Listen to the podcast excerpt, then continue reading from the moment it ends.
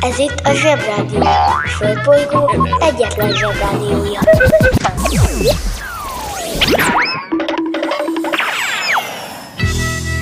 A napközi ugyanaz, de idén más. A mai adásban Újra támadnak a kultúrákok. éberség, Aztán, betiltott dalok és dobütemek, aztán a nap műtárgya, ennek megfelelően vonzó, érdekes, őrült, izgalmas, szabad és intelligens filmeket készítettek, amik ráadásul még iszonyú viccesek is voltak, kivéve a Kramer kontra Kramer. ez itt a napközi.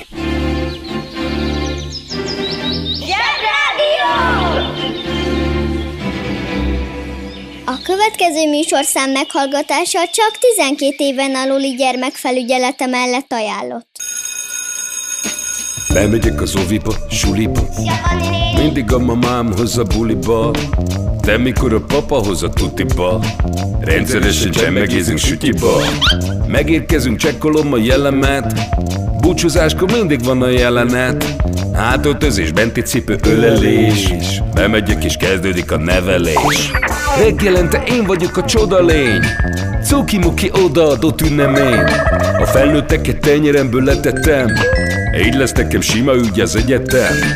Láttam a barbit egy világos kiklovon Hogy póni volt vagy szamár, eskü nem tudom Az oviban napos, a suliban meg hetes Az ebéd az ugyanaz, de kilötyög a leves.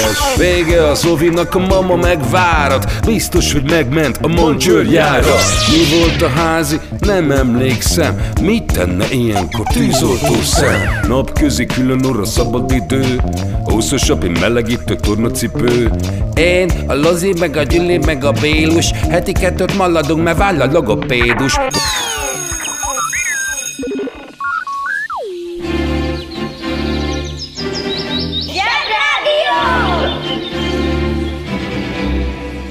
Az igazság ideát van. Éberség. A szörnyetegek szabadon vadásznak rád. Hogy megszeresd és utánozd őket, hogy másra már ne is gondolj. Ha sikeres akarsz lenni, tudnod kell, hogy pontosan mi is leselkedik rád. Mert bármikor előfordulhat, hogy kilépsz a suli kapuján, és ott áll előtted egy könyv. az öt legbiztosabb jele, hogy egy Könyv. azt akarja, hogy megszeresd. Egy, Nem olvastad. kettő, Akárhogy nézegeted, nem találod rajta a play gombot. három, Akár meddig is töröd a fejed, az jut eszedbe róla, hogy Minecraftozni vagy Fortnite-ozni kéne. négy, Ha ez egy modern könyv, akkor szinte csak olyan nevek vannak benne, amiket kizárólag a francia nagykövet tud helyesen kiejteni. öt, Ha ez a könyv egy kötelező olvasmány, akkor megnézed filmen, és megpróbálod elfelejteni, hogy milyen csícskagyász vagy, és nem olvastad el. hat, Felnőtt korodban mindig lesz valaki, aki azt mondja, hogy az a sztori könyvben sokkal jobb, és akkor megint eszedbe jut, hogy mekkora csicskagyász vagy. ne feledd, logika, kritika, etika. Kritika? Azt még nem tanultuk. Most nincs időm elmagyarázni, kérdezd meg anyádat.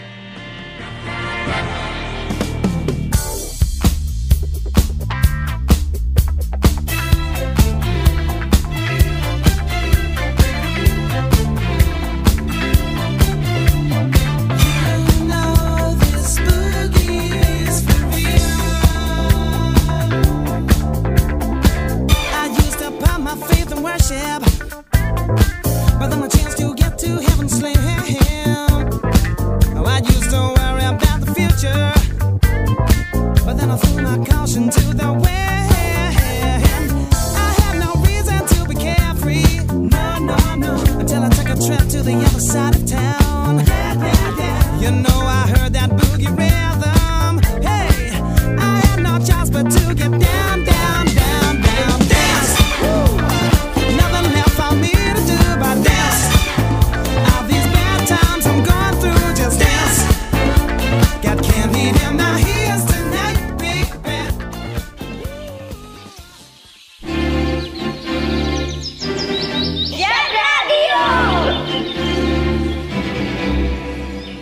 Zsebrádió. Hallgass a sorok között. Van bolonyai folyamat, finn oktatás és a japán pedagógia. És van a napközi. Üdvözlünk a Paleó valóságban. A történelmet nem azért írták, mert úgy történt, hanem azért, hogy úgy jegyezd meg.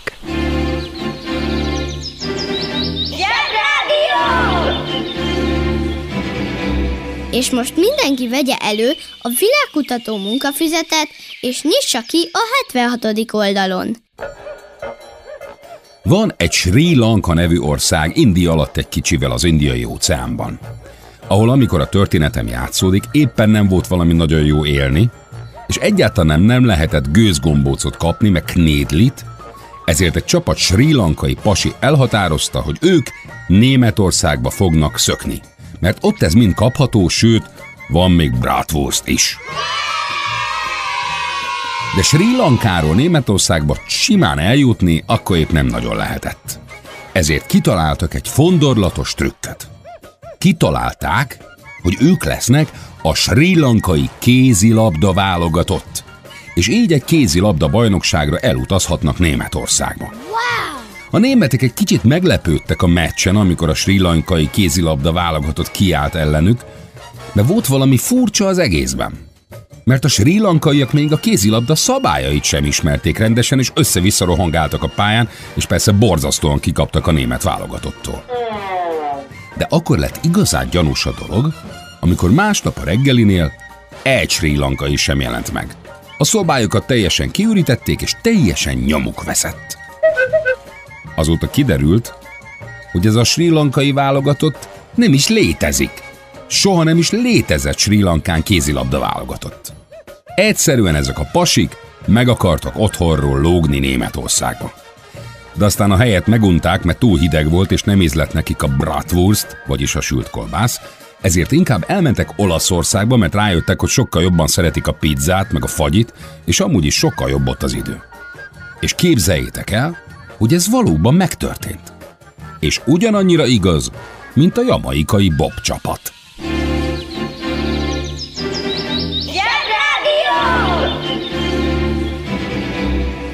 Jobb csorogni, mint ücsörögni.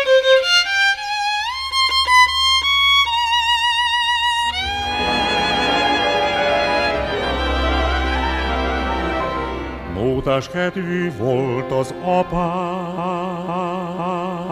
Nótafa. A mai nótafa Galamb.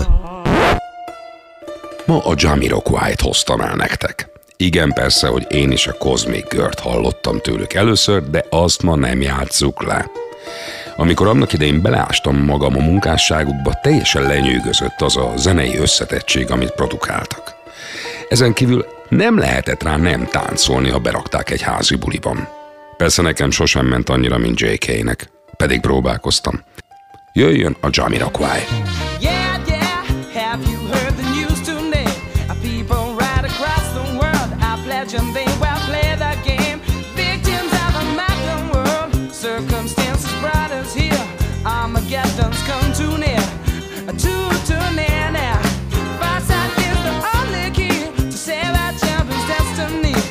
Consequences. Are so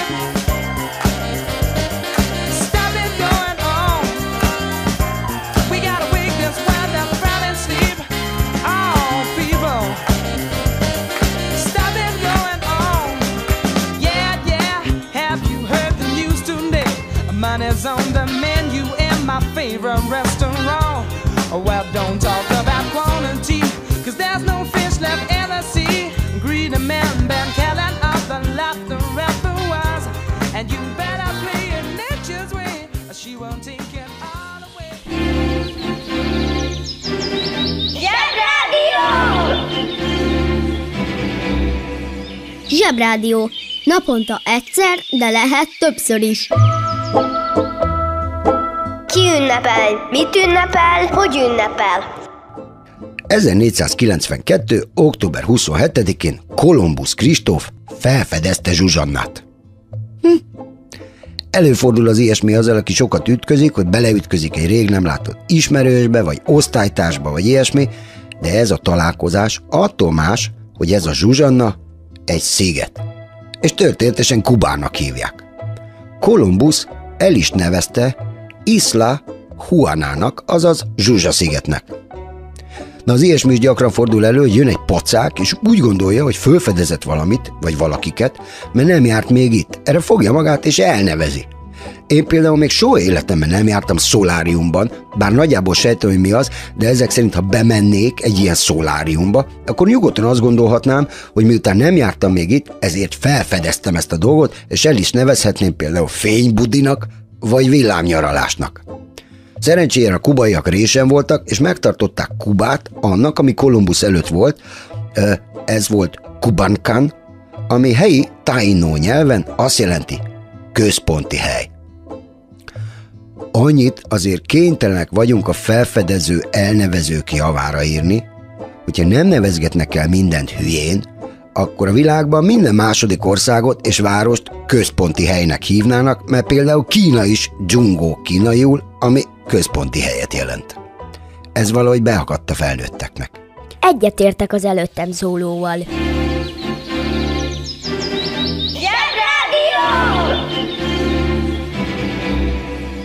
Micsoda? Már négyezer egy kiló dió? Se baj, szól a zsebrádió. Most viszont jöjjön az én kedvenc Jamiroquai dalom. Imádom benne a prüntjögő szintiket, meg a basszus meneteit, szerintem mesteri. Ezen kívül pedig elég hülyének kell lenni egy űrhajósnak ahhoz, hogy Londonban a Piccadilly circus flangáljon. Ha nem értitek, nézzétek meg a videóklipjét.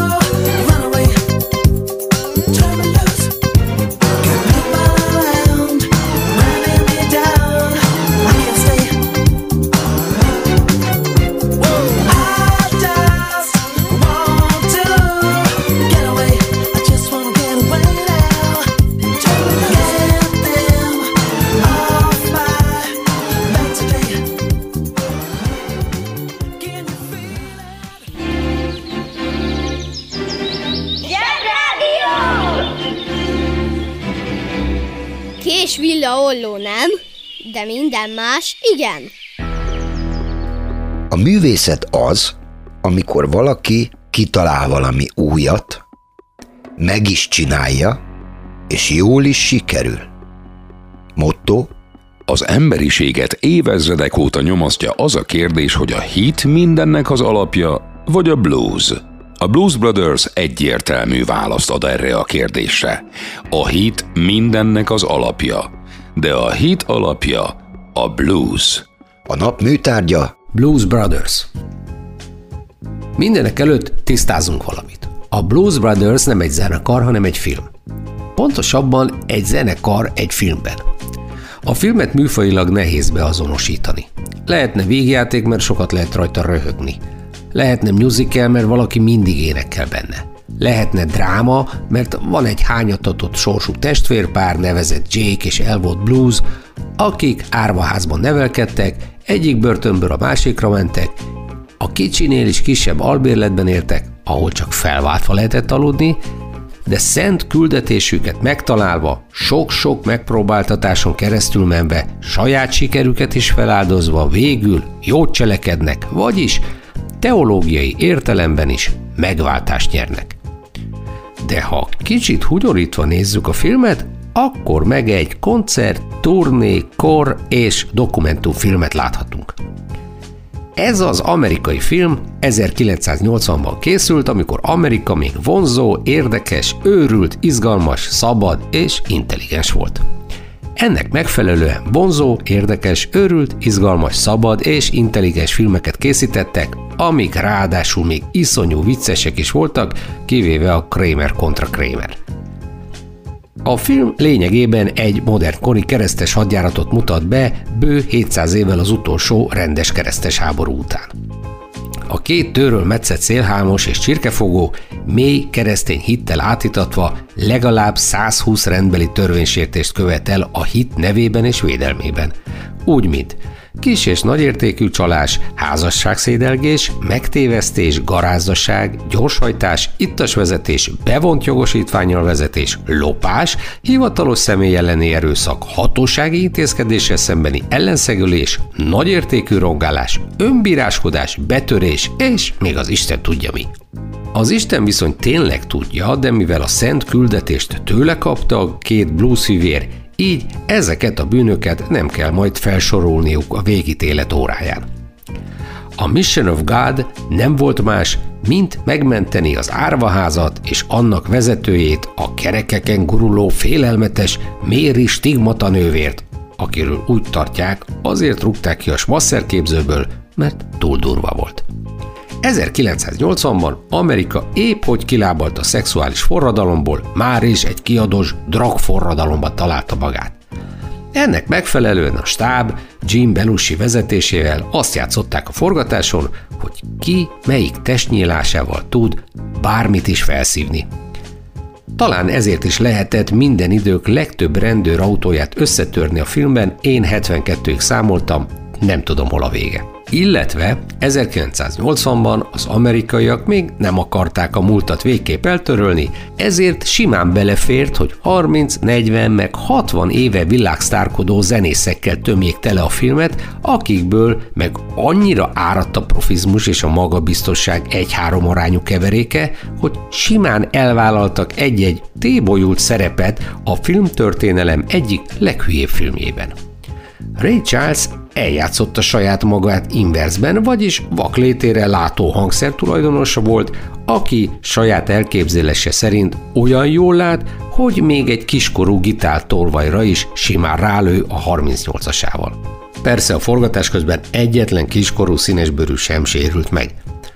Aretha Franklin minden férfi rémálmát, a veszekedő feleséget játszotta otthonkában, Cap Calloway, aki lényegében végigzenélte a 20. századot, ő volt a gondnok. James Brown meg olyan misét celebrált, hogy akárhányszor megnézem a filmet, mindig megtérek. A film több fontos tanulsággal is szolgál. Először is, sose hív pingvinnek egy apácát. Másodszor, ha isteni küldetésed van, akkor simán átmehetsz a piroson, vagy egyéb stiklik is beleférnek szükség szerint.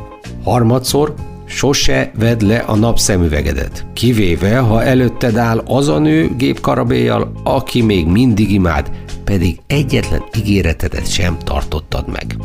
Ez van. A szem a lélek tükre. Meg úgy általában sem árt, ha mélyen a szemébe nézel annak a nőnek, aki éppen ki van borulva. Nekem idáig mindig bevált. Amit viszont ajánlott megszívlelni, de nagyon, csak akkor játsz blues-t country kocsmában részegek előtt, ha a színpad elé ki van feszítve egy tyúkháló. És nekem nem mondja senki, hogy nem szóltam. Ennek a műsorszámnak az is lehetne a címe, hogy száz dolog, amit érdemes lenne a gyerekkel megdumálni.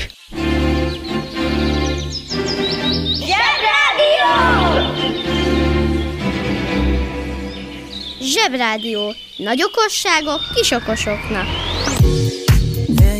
Freaking out, trying to get your head around the fact that me and you in love is dead.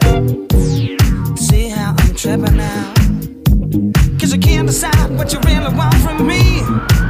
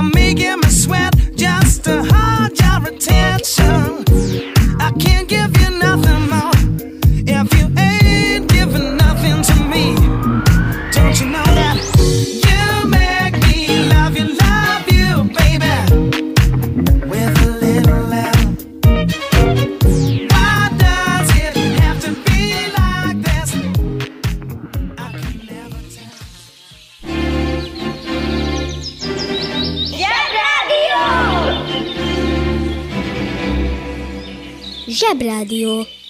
Hallgatni arany. Dúdoljunk együtt betiltott számokat. Egy, két, há, és...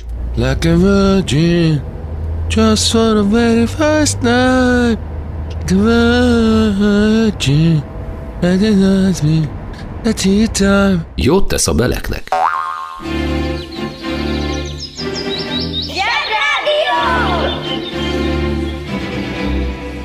Üzenem azoknak a felnőtteknek, akik sutyiban hallgatják a zsebrádiót, hogy jól teszik. Kiki csoda, micsoda, mit csinál és miért? Maradt a végére két kifejezetten cuki bűnözőnk, aki persze csak mod cuki már, mert izgalmas és romantikus a történetük, de annak idején egyáltalán nem voltak cukik. Az egyikük egy kalóz, név szerint fekete szakál, a másik pedig talán a leghíresebb magyar betyár, Rózsa Sándor. Megáll az eszem, de fekete szakál, avagy Edward Titch valóban létezett. És 1680 és 1718 között kalózkodott a Karib térségben, ami ma is ott van, csak ma már nem kalózkodnak ott, hanem csoportos turiskáskodnak, meg exatlonoznak. A Karibban. Hm? Minden ilyen kicsi bugyis, homokozós műsor, amikor a versenyzőknek föl kell mászni a fára, a kókuszdióért, az ott van a Karibban. Szóval jó helyet választott ez a szakál úr a kalózkodáshoz, ez a fekete szakál, képzeljétek el, egy elég rendes pasi volt. Annak ellenére, hogy a híre az volt, hogy gonosz, és szörnyű, és szörnyeteg, és gonosz. Zsolt kiemelkedően fontosnak tartja a társadalom és valóságismeretet. Ennek ellenére meg sosem volt szoláriumban, még soha nem evett műzlit, és még sosem hallgatta meg a nézését, meg a járását. Ehhez képest az a helyzet, hogy tök normális fej volt, rendesen bánta matrózaival, meg a legénységével, és még a fogjait se bántotta. Mégis mindenki be volt tojva tőle, mert hatalmas, ápolatlan szagára volt, és mirgalmatlanul rondán nézett ki. Erre még rá is tett egy lapáttal, és amikor elfoglalt, hát igazából ellopott egy tök menő hajót, akkor azt azonnal átnevezte Anna királynő bosszúja nevű hajónak, hogy még attól is be legyenek tojva. A másik bűnözőnk Rózsa Sándor, aki a tanya világban nőtt föl, 1813-ban született, és az egyik legismertebb magyar betyár. Na, ő korán sem volt olyan jó fej, mert úgy kezdődött az élete, hogy az apukáját felakasztották, mert lovakat lopott, szóval különös neveltetésben nőtt fel az ember apukája lótolvaj, akkor nyilván az apukája azt mondja, na, Sanyika, osonj oda, lughoz, húzod magad után a spárgával, ami a fejre van kötve. Csak azért mondom ilyen hülyén, mert a Rózsa Sándor a filmekben direkt ilyen hülyén beszél, régi magyarul. Például nem is Rózsa Sándor, hanem Rúzsa. Meg úgy udvarolt, hogy himbecsuf. Há igen, így mondta egy kislánynak, hogy tetszik neki, hogy himbecsuf. Meg a legnagyobb dumája mégiscsak az volt, hogy ken nekem, ne mondja azt, hogy bakfitty, mert akkor én kicsinálom a kendet. Hát nyilván mondták neki, na, figyelj, bakfitty. Hm? A Rozsa Sándorról még azt kell tudni, hogy nem lovas betyár volt, hanem futóbetyár, gyalogbetyár. Aztán amikor már betyár volt, és már mindenki üldözte, akkor a 48-as szabadságharcban szabadságharcos lett, hogy ne üldözzék. De ott se volt jó fej, mert ott meg lemészárult egy falut. Hát, az a helyzet, hogy a ruzsavér az kijött belőle. Mindegy, lényeg a lényeg, hogy börtönben végezte. Nagy figyi, olyan híres bűnöző volt, hogy a börtönben vasárnaponként pénzért mutogatták az embereknek, és marha meg is nézték. A börtönben meg dolgoznia kellett hétköznap, először szabó volt, aztán amikor már, már nem volt annyira egészséges, akkor zokni kötő. Bizony, ha így végzi egy rossz betyár.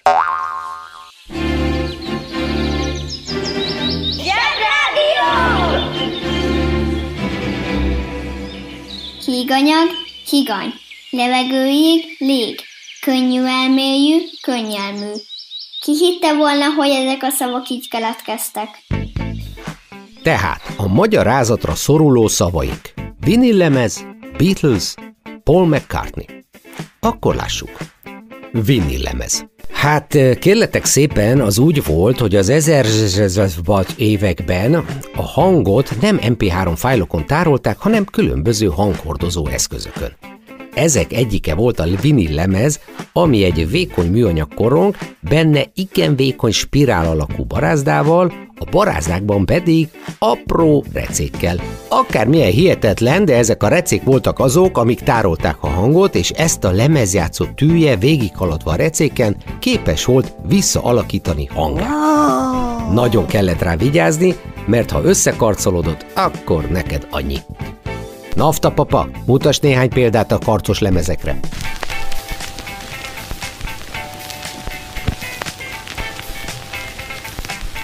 Kösz, haver vagy.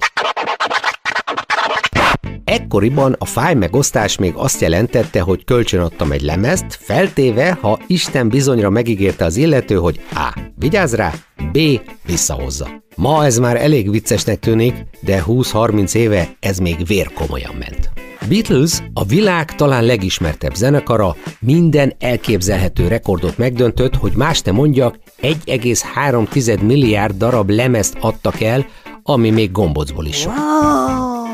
Paul McCartney, pardon, Sir Paul McCartney pedig ennek a zenekarnak volt a basszusgitárosa és énekese. Írtó tehetséges zenészek voltak, úgynevezett gomba frizurájuk volt, amiért megőrült a világ. Mivel akkoriban, vagyis az 50-es években mindenkinek Schneidig szopott gombóc frizurája volt, ez a gomba stílus akkora formabontásnak számított, hogy csak na. Adok egy jó tanácsot arra az esetre, ha ne adj Isten újra divatba jönne. Csak azt csináltasson magának gombafrizurát, akinek jól áll, és aki tud ülve aludni. Röviden összegezve, a négy Beatle fiú nagy hatást gyakorolt a világ zenei kultúrájára. Egy mondás szerint minden sikeres férfi mögött áll egy nő. Ami igaz is, csak hogy a történelem ritkán jegyzi fel ezen nők nevét, ami nem szép dolog a történelem részéről. Történelem, fiam! Holnap küld be az édesanyádat, beszédem van vele. És minden sikeres zenekar mögött áll egy menedzser. Őt úgy hívták, hogy Brian Epstein. De emellett az igazság mellett létezik egy másik is. Mégpedig az, hogy nekem egyáltalán nem tetszik a zenéjük, és rám semmilyen hatást nem gyakoroltak. Ez van. Ezt csak azért mondom el nektek, hogy lássátok, vagy inkább halljátok, mégiscsak egy rádióban vagyunk, vagy mi, hogy ér más véleményen lenni. Ér nem azt gondolni, nem azt mondani, és nem azt érezni, amit a nagy többség. Nem kell megijedni attól, hogy más gondolsz, és ha megkérdeznek, még akár ki is mondhatod. Ízlésről vitatkozni, másokat ezért bántani, megszólni a legnagyobb emberi butaságok egyike. Ellenben más gondolni roppant felszabadító érzés. Nem vagy jobb vagy több azért, mert más gondolsz, csak jobban érzed magad a bőrödben attól, hogy azt gondolod valamiről, amit te gondolni szeretnél. A más gondolásnak egy szabálya van, ami ugyanaz, mint a sóska esetében. Addig nem mondhatod rá, hogy fúj, míg nem kóstoltad. Ezt a számot nem a nótafa szelektálta. Ez Zsebrádió kötelező olvasmány.